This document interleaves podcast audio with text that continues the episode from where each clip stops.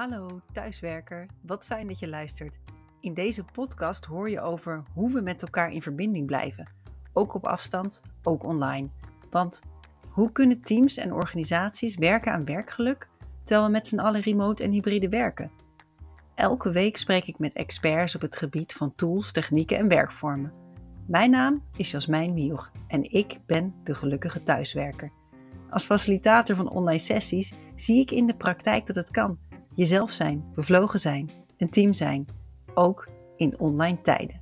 Welkom bij de Gelukkige Thuiswerker. Diversiteit is er, ook op de werkvloer. Dat is een gegeven. Het gaat erom hoe we dat laten werken. Anita Vink Abaisa is sociaal onderneemster en komt uit de wereld van leren en ontwikkelen. Zij begeleidt organisaties met het thema diversiteit, inclusie en gelijkwaardigheid. Inmiddels vindt Anita de vraag diversiteit, inclusie, leeft dat bij ons? Die vraag vindt zij wat naïef. Van harte welkom Anita, wat fijn dat we elkaar spreken deze vrijdagmorgen. En ik ben natuurlijk allereerst ontzettend benieuwd, waarom vind jij die vraag, leeft het bij ons, zo naïef? Uh, dankjewel Jasmijn. Um, die vraag is uh, wat mij betreft naïef, omdat het over uh, mensen gaat. Mensen die samenkomen, mensen in interactie met elkaar. Um, en daarbij is het altijd heel goed om onszelf te bevragen: wie doet er mee, maar wie doet er vooral ook niet mee. We herkennen allemaal die vergaderingen wel waarin uh, de mensen die altijd aan het woord zijn, zoals altijd, aan het woord zijn. Ja. Maar wie spreekt er dan vervolgens niet? Wie laat zich niet horen? En dat is dus ook waar inclusie over gaat. En op het moment dat je dat al constateert in een vergadering, is er al sprake van exclusie. En nou ja, ehm, ik zou zeggen, ga als een vlieg op de muur op de gemiddelde, in de gemiddelde vergaderruimte zitten en dan zie je dit beeld. Dus jij zegt eigenlijk als er al deelnemers aan een vergadering zijn die niet allemaal gelijkwaardig meedoen, dan is er al sprake van exclusie? Ja, dan is er al sprake van exclusie. Is er ruimte voor iedereen om de stemmen te laten horen? Of claimen sommige mensen heel veel ruimte, waardoor andere mensen geen ruimte durven te pakken, of die ruimte simpelweg niet krijgen, omdat er mensen te dominant zijn in het geheel? Ja, ik vind dit wel een ontzettend interessante observatie of idee wat je hier brengt omdat ik denk dat iedereen die nu luistert wel eens bij een bijeenkomst of een vergadering is waar niet iedereen meedoet. Niet iedereen even betrokken is, niet iedereen zich even vrij voelt om uit te spreken. Wat kun je nou doen als je nu luistert naar deze podcast en je denkt bij jezelf, hé, hey, maar dit herken ik. Wat is dan de eerste stap? Mensen uitnodigen. Dus sowieso, het begint met observatie. En zelfs eigenlijk een reflectie, daar begint het mee. Wat jij zegt van, hé, hey, dit beeld, dat herkennen mensen vast wel. Ja, doe eens die reflectie. Denk na, um, hoe zit ik bij vergaderingen? Wie spreekt er wel en wie spreekt er niet. Wie hoor je altijd en wie hoor je heel weinig tot eigenlijk nooit. En dus daarin dus vervolgens ook observeren. En dan ook kijken van, hey, hoe kan je mensen betrekken? Um, je kan dat in een vergadering doen door iemand een vraag echt te geven. Uh, maar daarbij kan je ook met mensen in gesprek gaan, bijvoorbeeld na zo'n vergadering, van goh, het is mij opgevallen hè, dat, uh, dat ik je eigenlijk nooit hoor in de vergadering hoe is zo'n vergadering voor jou? Dus dat je ook op nieuwsgierig op onderzoek uitgaat van wat is daar aan de hand? Wat, wat, wat speelt er? Wat maakt dat iemand uh, niet deel kan nemen of niet deelneemt? En wat is dan de situatie? En vervolgens dan te kijken, hoe kan je iemand betrekken, zodat het ook wel altijd op een veilige manier gebeurt? Ja, want ik denk dat... veiligheid is ook een ding. Ja. ja, ik denk dat je daar echt de spijk op zijn kop slaat, Anita het is jouw expertisegebied, maar als ik hoor psychologische veiligheid, dat is zo verbonden met inclusie, gelijkwaardigheid en diversiteit. Ja, ja. Het zijn natuurlijk best ingewikkelde begrippen, diversiteit, inclusie, gelijkwaardigheid. Misschien is het goed om daar nog even op in te zoomen. Ja. Want je hebt al een prachtige tip gegeven als je rondkijkt in een vergadering. Ga observeren, ga reflecteren, ga daarna het goede gesprek aan. Maar als we het hebben over diversiteit en inclusie en gelijkwaardigheid, die drie woorden, zou je daar, om te beginnen met diversiteit, wat, wat zou jouw definitie daarvan zijn? Diversiteit is wie we zijn als mensen en de ja, lagen, zeg ik toch wel altijd, die we meenemen. Het eerste wat je van mij ziet is, nou, ik, ik ben er, ik ben uh, een vrouw, ik identificeer mij als een vrouw, ik uh, ben een zwarte vrouw. Uh, maar daarbij heb ik ook nog een innerlijk stukje, wat is mijn sociaal-economische positie? Dus het gaat om al die lagen die wij als mens meenemen en elkaar daarin dus ook ontmoeten. En ehm, bij diversiteit hoort bijvoorbeeld ook de term intersectionaliteit. En dat gaat over, ik ben vrouw, ik ben zwart, ik heb een Surinaamse cultuur uh, en achtergrond. Ehm, en het feit dat ik vrouw ben, daardoor heb ik met verschillende uitdagingen te maken. Het feit dat ik een zwarte, zwarte vrouw ben, daardoor heb ik ook weer met andere uitdagingen te maken. Het feit dat mijn sociaal-economische positie meetelt, daardoor heb ik ook weer met uitdagingen te maken. Die intersectie van die kenmerken, dat noemen ze intersectionaliteit. Dus de combinatie van. En dan gaan we naar inclusie. Inclusie gaat erover doet iedereen mee? Betrek het. Ja, het komt natuurlijk van het woord include, meedoen. Um, en dat gaat dus, kan iedereen meedoen? En kan echt iedereen meedoen? Uh, ik hoor heel vaak in mijn trainingen, hoor ik, ja, maar dan moet ik als witte man mag dan niet meer meedoen. Dat is geen inclusie. Als iemand anders weg moet, dan is het geen inclusie. Nee, het gaat niet om dat je weggaat, maar het gaat erom dat wij met z'n allen in een cirkel zitten. Er komt iemand nieuws bij, we maken ruimte voor die nieuwe persoon, zet een stoel erbij. Zo gaat zitten en dan gaan we met z'n allen weer op zoek, opnieuw op zoek naar een nieuw balans. Wat heeft een nieuwe persoon nodig om mee te doen? Daarnaast, alle mensen die er al zitten, mogen vervolgens ook nog steeds meedoen. Dus het gaat er continu over hoe kunnen we met z'n allen meedoen. En dan gaan we ook naar een stukje gelijkwaardigheid. Er is een hele grote, ja, best wel verwarring, merk je in het Nederlands, tussen gelijkheid versus gelijkwaardigheid. Gelijkwaardigheid is, wat heeft een individu nodig om mee te kunnen doen? zodat we het doel van gelijkheid realiseren. Dus gelijkwaardigheid is het middel, gelijkheid is het doel. En een concreet voorbeeld is bijvoorbeeld de Belastingdienst. De Belastingdienst toeslagenaffaire, daarbij een uitgaan van ja, nee, iedereen is gelijk. Dus iedereen moet hetzelfde krijgen met allerlei vooroordelen die daar ook nog een rol in gespeeld hebben. En daardoor hebben we één aanpak gehanteerd in plaats van te kijken van hé, hey, wat speelt er bij de verschillende mensen? Wat is er nu echt aan de hand? En wat moet er dan volgens gedaan worden, zodat mensen die er recht op hebben, dat ook krijgen. En mensen die er geen recht hebben, die daar inderdaad ook uh, geen recht op uh, krijgen. En dat zie je dus continu. En hoe is dat? Ik vind dat best wel een ingewikkelde. Dus dat gelijkheid en gelijkwaardigheid. Jij noemde al van veel mensen vinden dat ook lastig om dat te onderscheiden. Als je nou die casus pakt van de toeslagenaffaire. Ja. Zijn die mensen dan niet gelijk behandeld? Of, of hoe zou je die uh, connotatie maken? De, het is sowieso een ongelijke behandeling gebaseerd op vooroordelen. Ehm, dus daarin zie je dat op basis van ja, groepskenmerken, of wat die kenmerken ook waren, hebben mensen toch onderscheid gemaakt. Maar die onderscheid, en dat zie je ook het gevaar van vooroordelen, onderscheid gemaakt, uh, maar toch ook wel van ja, dus Nederland moet wel eerlijk zijn, dus die krijgt straf. In plaats van in te zoomen, wat is de situatie? Wat heeft, hebben de verschillende gezinnen nodig? Uh, zodat ze naar gelang hetgeen wat ze nodig hebben, dat ook krijgen, zodat ze dezelfde uitkomst hebben als alle andere Nederlanders. Ja, ja en als we dan nu dat, die begrippen gelijkheid en gelijkwaardigheid onderscheiden, ja. Als je dan weer teruggaat naar de situatie van de vergaderruimte. Je zit in een bijeenkomst. Ja. Uh, mensen, sommige mensen spreken altijd. De anderen die zijn wat meer op de achtergrond. Die voelen zich misschien niet betrokken. Of ze voelen zich wel betrokken, maar durven zich niet te uiten. Precies. Hoe zou je, als je die situatie voor je hebt met al die verschillende diverse mensen bij elkaar, ja. zou je dan de gelijkheid en de gelijkwaardigheid kunnen vergroten? Um, dat gesprek daarin, dus eigenlijk apart van de vergadering, die observatie, daar gebruik van maken als haakje, om het gesprek aan te gaan buiten de vergadering en te achterhalen wat speelt daar, wat is de situatie en wat heeft die persoon nodig. En wanneer je dus die gesprekken aangaat met mensen, ga je dus ook achterhalen wat ze nodig hebben. Vervolgens kom je terug in de vergadering en ga je gebaseerd op dat gesprek, ga je daar mensen ontmoeten waar ze ontmoet willen worden. Dus de ene zou misschien zeggen van joh, stel mij een vraag of hè, uh, laat mij een presentatie doen. Of joh, ik ben er wel, maar ik, ik, ik heb niet de behoefte om te spreken of ik heb niks in te brengen. Uh, behalve als het over mijn thema gaat. Dus het is echt het achterhalen wat die behoefte is van de verschillende individuen die deelnemen aan die vergadering. Om vervolgens ze daarin te ontmoeten waar ze nodig hebben, zodat ze op hun manier mee kunnen doen. Ja, ja, dat klinkt echt heel, heel mooi.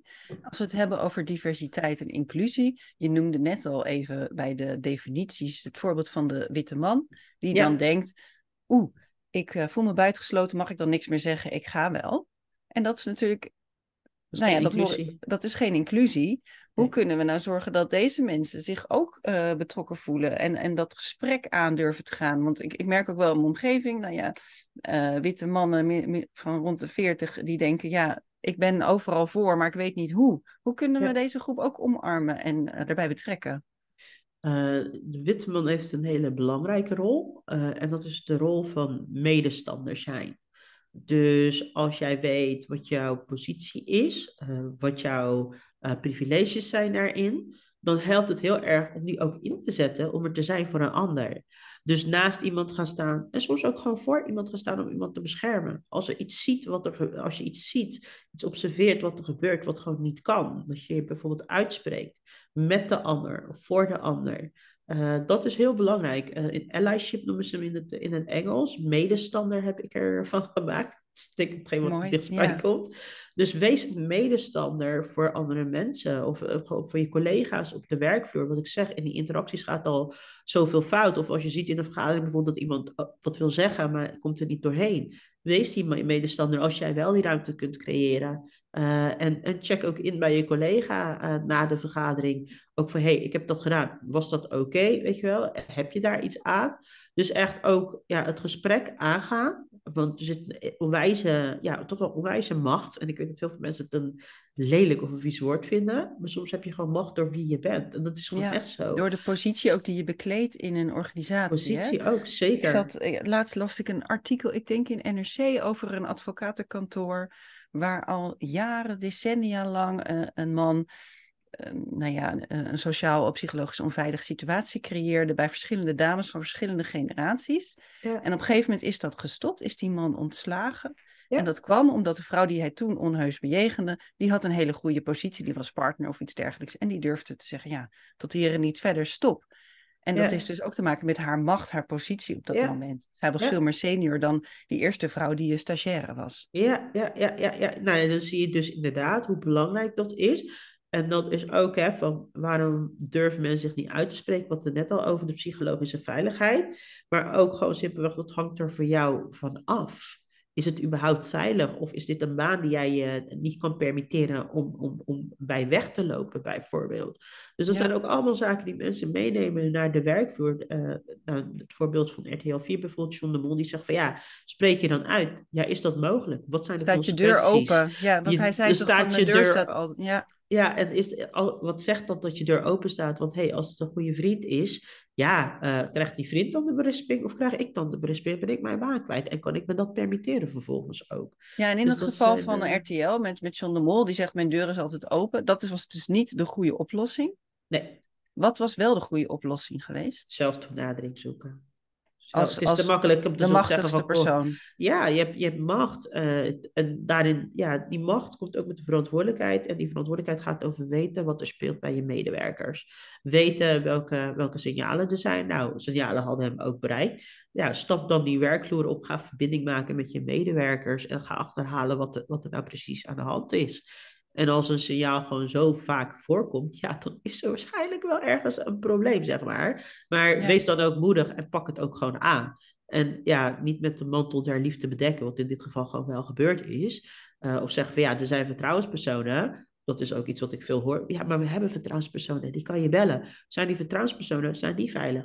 Vaak zijn het onze eigen interne collega's. Afhankelijk van hoe goed jij met je collega's overweg gaat, ga jij wel of niet naar een vertrouwenspersoon. En ik merk daarin dat, hè, dat wordt heel makkelijk van, nou, dat hebben we geregeld. Nee, ja, heb je ook een externe vertrouwenspersoon waar mensen bij terecht kunnen, als het met de collega's niet botert. Ja. Dus dat zijn echt het systeem wat je dus vervolgens ook inricht om ja, om een veilige omgeving te creëren. Maar wat ik zeg, de leiding van een organisatie heeft daar wel echt een hele belangrijke verantwoordelijkheid. En dat is weten wat er bij de medewerker speelt. En dan zal John de Mol zeggen, ja, mijn organisatie is zo groot, dat kan ik toch niet weten.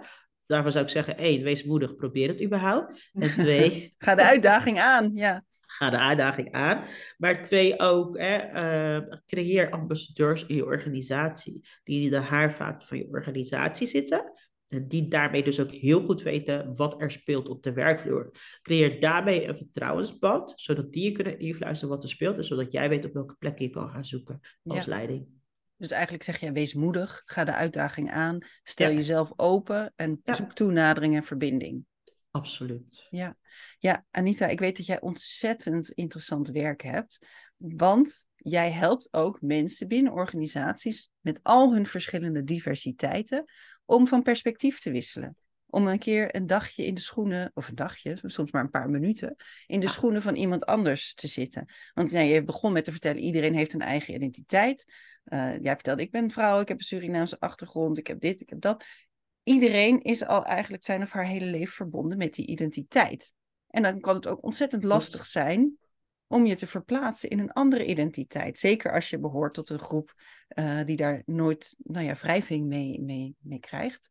Om maar weer het stereotype de witte man uh, te noemen. Ja. En jullie hebben daar, jij hebt daar met je onderneming, jullie hebben daar een prachtig middel voor. Om ja. mensen daarin te helpen. Kun je me daar iets meer over vertellen? Zeker. Ik heb de kracht van virtual reality ontdekt. Um, en dat ging heel erg. Uh, dat ging erover dat ik, uh, dat ik uh, blootgesteld werd door Freek. Freek, mijn VR-maatje, noem ik Freek altijd. Maar Freek die was heel erg van: zou dat Anita moeten kop thee drinken? Want ik heb iets voor jou wat jij heel interessant vindt. Dus dachten we: oké, nou, hij is wel heel erg voorhand. Dat kopje thee moeten we een keer drinken. Dus dat hebben we gedaan. En toen stelde hij mij bloot aan virtuality. En toen ik dat zag, dacht ik: dit is het maar je zag het niet, je ervaarde het denk ik vooral. Ik ervaarde het inderdaad. Ja, dus veel meer dan alleen zien. Ja, ja ik, ging, ik ging door die ervaring en ik zag de potentie van uh, virtuality als tool uh, om mensen te helpen leren. Uh, en eigenlijk ben ik vanaf dat moment een pad gaan bewandelen met Freek, dat we op zoek zijn gegaan naar hoe dan. En mijn idee was ook gelijk wel voor diversiteit, inclusie en gelijkwaardigheid, omdat, ik, eh, omdat het mij duidelijk was geworden na al die tijd wel dat uh, alleen verhalen delen van mensen, levenservaring van mensen delen, dat dat echt niet voldoende was. Uh, en ja, dat heeft er dus ook mee te maken, wat jij net zei, de ervaring die wij als mensen hebben in het leven, ons leven wat we leven, we kennen alleen ons eigen perspectief. De andere perspectieven zijn soms zo ver van ons verwijderd dat, dat het heel moeilijk is om daar een beeld, laat staan een ervaring bij te vormen, laat staan de impact op iemands leven. En dat is dus wat virtual reality doet. En wat ik merkte toen ik ook in onderzoek dook, is dat uh, mijn gevoel van hè, al die trainingen die we doen op diversiteit, inclusie, gelijkwaardigheid, die dragen over het algemeen helemaal niet bij aan een positief effect. Uh, en Al die trainingen om juist dat gedrag te veranderen, om meer gelijkwaardigheid te creëren, die werken niet volgens onderzoek, zeg ja. jij? Ja, volgens onderzoek werkte die niet. Uh, en er ontbraken daarin dus drie dingen. En dat was vrijwillig te kunnen deelnemen aan training. Nou, ik weet dat er inderdaad bedrijven zijn die zeggen zo'n training is verplicht. Maar kan je iemand laten leren die verplicht aan een training mee moet doen? Uh, tenzij je hem echt in de leerstand weet te zetten. Uh, en zeker met dit onderwerp, wat zo gevoelig ligt, omdat mensen daar echt een mening over hebben, um, is het ergste wat er kan gebeuren dat mensen met nog meer weerstand voor het onderwerp weggaan dan dat ze gekomen zijn. En dat dus je maakt misschien dan dus meer stuk. Je maakt meer stuk, ja. Je maakt meer stuk op het moment dat je mensen niet weet te raken dat het niet uh, het juiste leermiddel is en de interventies het juiste effect hebben. En daarin zag je dus ook het stukje handelingsperspectief bieden in een training. Uh, en vervolgens ook doelen stellen voor na de training. Dat waren allemaal onderdelen die ontbraken. En daar ben ik mee aan de slag te gaan. In combinatie met virtuality, om een leerprogramma te maken die dat, die ingrediënten wel hadden. Ergens had ik ook zoiets van een stukje handelingsperspectief en doelen stellen. Dacht bij mezelf van ja, maar dat is toch logisch voor een training. Maar dat was mijn aanname. blijkbaar, is dat dus niet, ja, blijkbaar is dat toch niet zo logisch. Dus die heb ik wel verwerkt in ons programma. En toen uh, ben ik gaan kijken naar hè, wat voor situaties kunnen mensen dan aan blootstellen. Zodat ze ja, daarmee meer empathie krijgen voor een ander. Want virtuality staat heel erg bekend, ook vanuit onderzoek, dat het een empathiemachine kan zijn, mits het gebruikt wordt in de juiste context. En dat is die context die ik had geschetst. Um, dus echt even in de schoenen staan. Dus je doet een VR-bril op, uh, je brein wordt afgesloten van de werkelijke wereld. En je gaat even op in de wereld die aan jou, waar jou blootgesteld wordt uh, in de VR-bril. Ja, ja ik wil er wel even iets over delen. Want jij weet natuurlijk, maar de luisteraar weet dat niet, dat ik uh, deze ervaring heb mogen beleven. Dus ik ben Klopt. naar Rotterdam gekomen.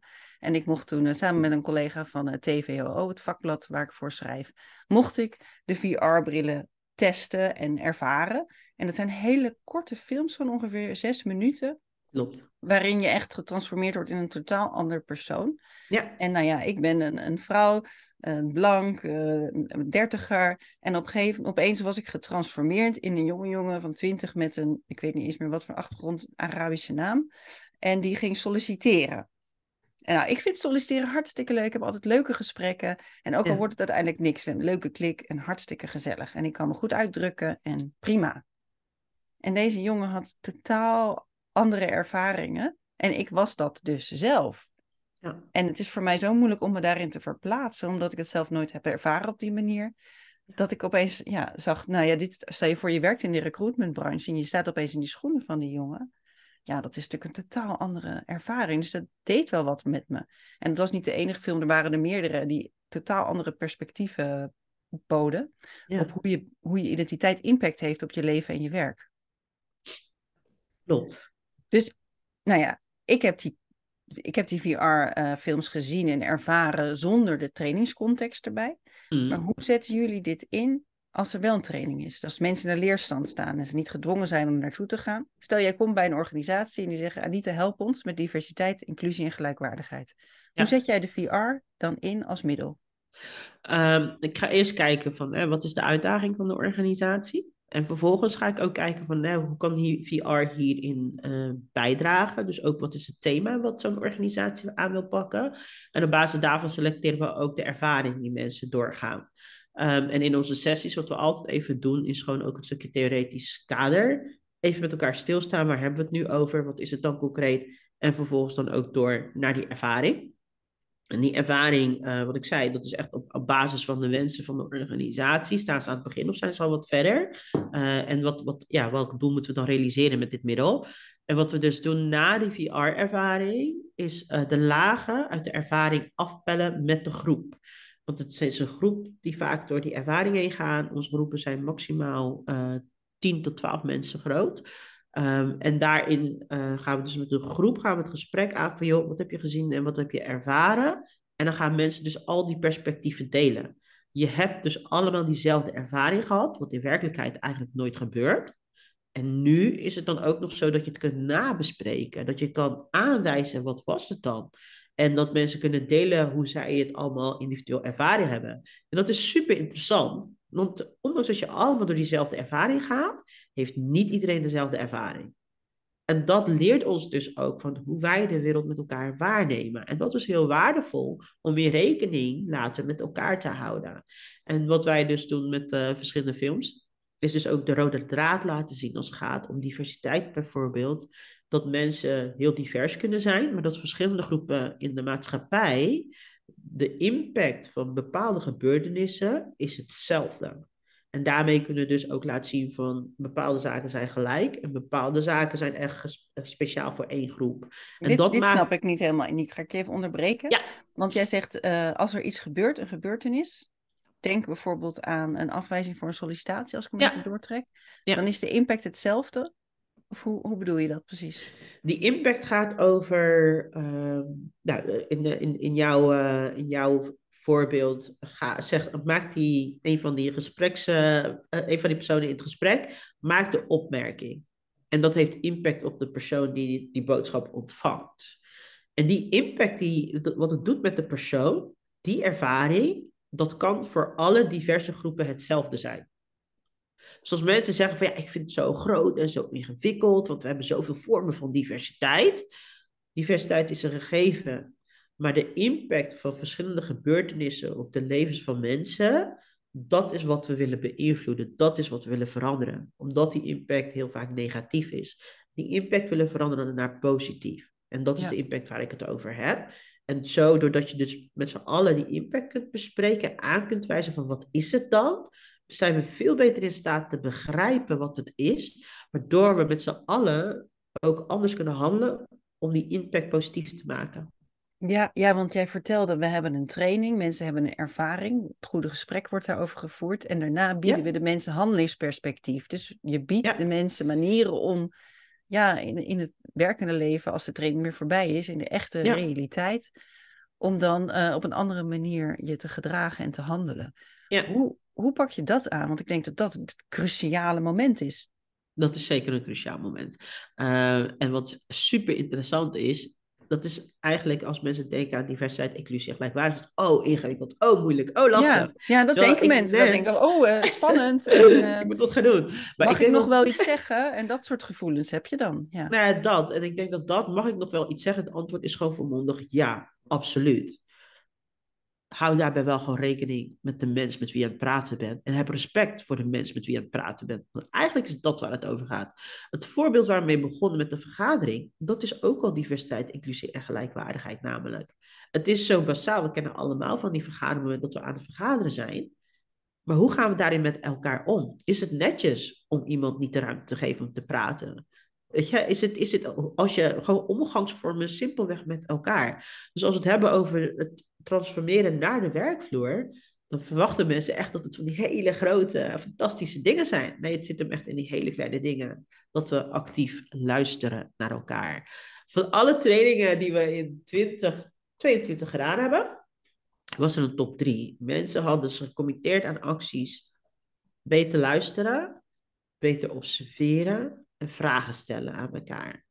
En op zich is dat logisch, want hoe vaak nemen we nou nog echt tijd voor elkaar om contact te maken met elkaar? Het gaat heel vaak gelijk over de inhoud. Het gaat te weinig over die relatie. En dat is vaak waar het stuk loopt. En daar zie je dat ja, dingen gewoon verkeerd gaan in interacties tussen mensen. En dat maakt dat het, ja, het, het, het klinkt heel ingewikkeld, maar als je terug gaat naar wat we moeten doen, ja, probeer dus gewoon actief te luisteren zonder iets te zeggen of zonder een mening te hebben. Verbinding, verbinding maken, ja, ja, vragen stellen, luisteren. Ja. ik word heel blij van wat je nu zegt. Ik begeleid zelf veel teams in samenwerking, communiceren, bij high-sessies, strategiedagen. En ik begin altijd met een check-in. Hoe zit jij er vandaag bij? Is er iets wat speelt dat belangrijk voor je is? Dat kan heel klein, door een emotie aan te wijzen of een plaatje aan te wijzen. Of het kan wat uitgebreider met, uh, nou ja, wat is er afgelopen tijd gebeurd? Wat is er voor jou op dit moment belangrijk? En ik merk dat veel mensen, als het druk is, denken: ik sla die check-in over en moet dat wel? Ik vind het een beetje te school. Absoluut. En nou ja, ik ben ongelooflijk blij dat jij nu zegt: dat is de manier om verbinding te krijgen. Het is de manier voor inclusie, diversiteit en gelijkwaardigheid. En het is ook niet zo moeilijk. Dat is misschien de positieve noot. Nee, het is gewoon echt oprechte, oprechte interesse hebben in de mensen met wie je te maken hebt. Wanneer ik met mijn nieuwe klant, wanneer kennis maak, dan, ja, mensen stellen zich heel vaak voor met een naam en een functie. Het vertelt mij helemaal niks met wie ik te maken heb. Ik heb, ik heb geen idee. Terwijl ik het juist vind, fijn vind om te verbinden op menselijk niveau. Wie ben jij? Wie is de mens achter die functie? Wat drijft jou? Wat drijft jou op dit onderwerp? Maar ook gewoon, wat vind je moeilijk? Zeg het me maar, want dan kan ik er iets mee. Als je me niet vertelt, ja, dan kan ik, kan ik heel erg mooi op de woorden afgaan die je zegt, maar dan gaan we eigenlijk niks bereiken met elkaar. En dat is wel ook met klanten, word ik daar ook gewoon steeds meer, dat ik denk van ja, ik wil echt gewoon mensen met, mensen met wie ik met wie ik mag verbinden, met wie ik echt mag verbinden. Want dan is mijn werk ook fijn en dat is voor mij ook belangrijk. En dan maakt het ook niet uit dat je zo anders bent, want je begrijpt elkaar beter en je weet wat er speelt. Ja. Ik ben ongelooflijk blij dat je zo positief uh, eindigt, want het is een ingewikkeld complex thema waar ook heel veel heel erg fout kan gaan. En we eindigen met een positieve noot, namelijk het is gewoon mogelijk om met hele kleine stapjes die verbinding te creëren en mensen zich meer gelijkwaardig te laten voelen, gelijkwaardig te laten deelnemen op het werk tijdens vergaderingen. Ik wil eindigen, Anita Vink Abaisa, met uh, in ieder geval zeggen heel erg veel dank voor dit waanzinnige gesprek. En ik wil jou vragen om even ons mee te nemen in de verre toekomst, of de niet zo verre toekomst. zeg, even voor vijf tot tien jaar, waar staan wij dan in Nederland met dit thema? Jij weet dat ik nu heel hard ga lachen. Waar sta Nou, dan... Uh wat ik zie op dit thema in Nederland uh, is dat we een, uh, een uh, reisbeweging aan het maken zijn. En in die reisbeweging ehm, zijn sommige mensen hebben niet nog niet eens bedacht of dat ze deze reis willen maken. Die staan er niet eens bij stil dat er een, een reisbeweging gemaakt moet worden. Tegelijkertijd staan een aantal mensen hun rugtas in te pakken om die reisbeweging te maken. Aan de andere kant zijn de mensen die al richting eerste stop gaan. En sommige mensen zijn echt al veel verder, die hebben al een aantal bestemmingen aangedaan. Ik hoop en ik wens Nederland toe dat over vijf jaar van nu, dat een veel groter gedeelte van mensen op de werkvloer actief begonnen zijn aan die reis. Want het kan ons zoveel opleveren. Ehm, en over tien jaar van nu hoop ik toch echt wel dat alle organisaties wel aan die reis begonnen zijn. Ik zeg heel bewust niet die reis afgerond hebben, want het is echt een proces, wat jij net zegt, met hele kleine stappen.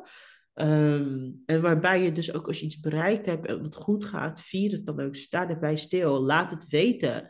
Want terwijl jij misschien die eerste locatie al bereikt hebt, die eerste bestemming bereikt hebt, zijn andere mensen het nog zoekende. En die zeggen, ik vind het moeilijk in het lachten. Want dat zie ik ook. Mensen zeggen, van waar moet ik beginnen?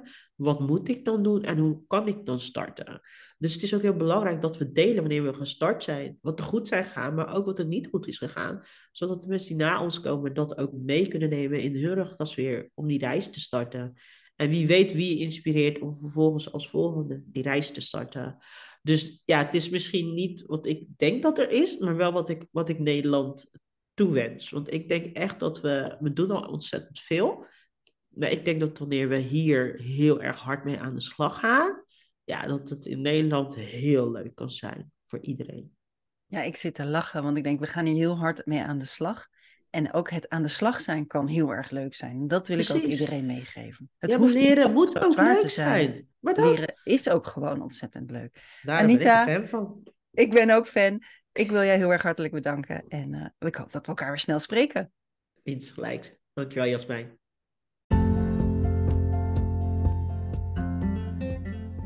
Dankjewel voor het luisteren naar De Gelukkige Thuiswerker. Heb jij zelf tools en tips die iedereen moet kennen? Laat het me weten. Of heb je een prachtig praktijkvoorbeeld? Bel me dan gerust. Vond je deze podcast de moeite van het luisteren waard? Laat dan een review achter en deel de podcast in je netwerk of op social media. Veel geluk iedereen!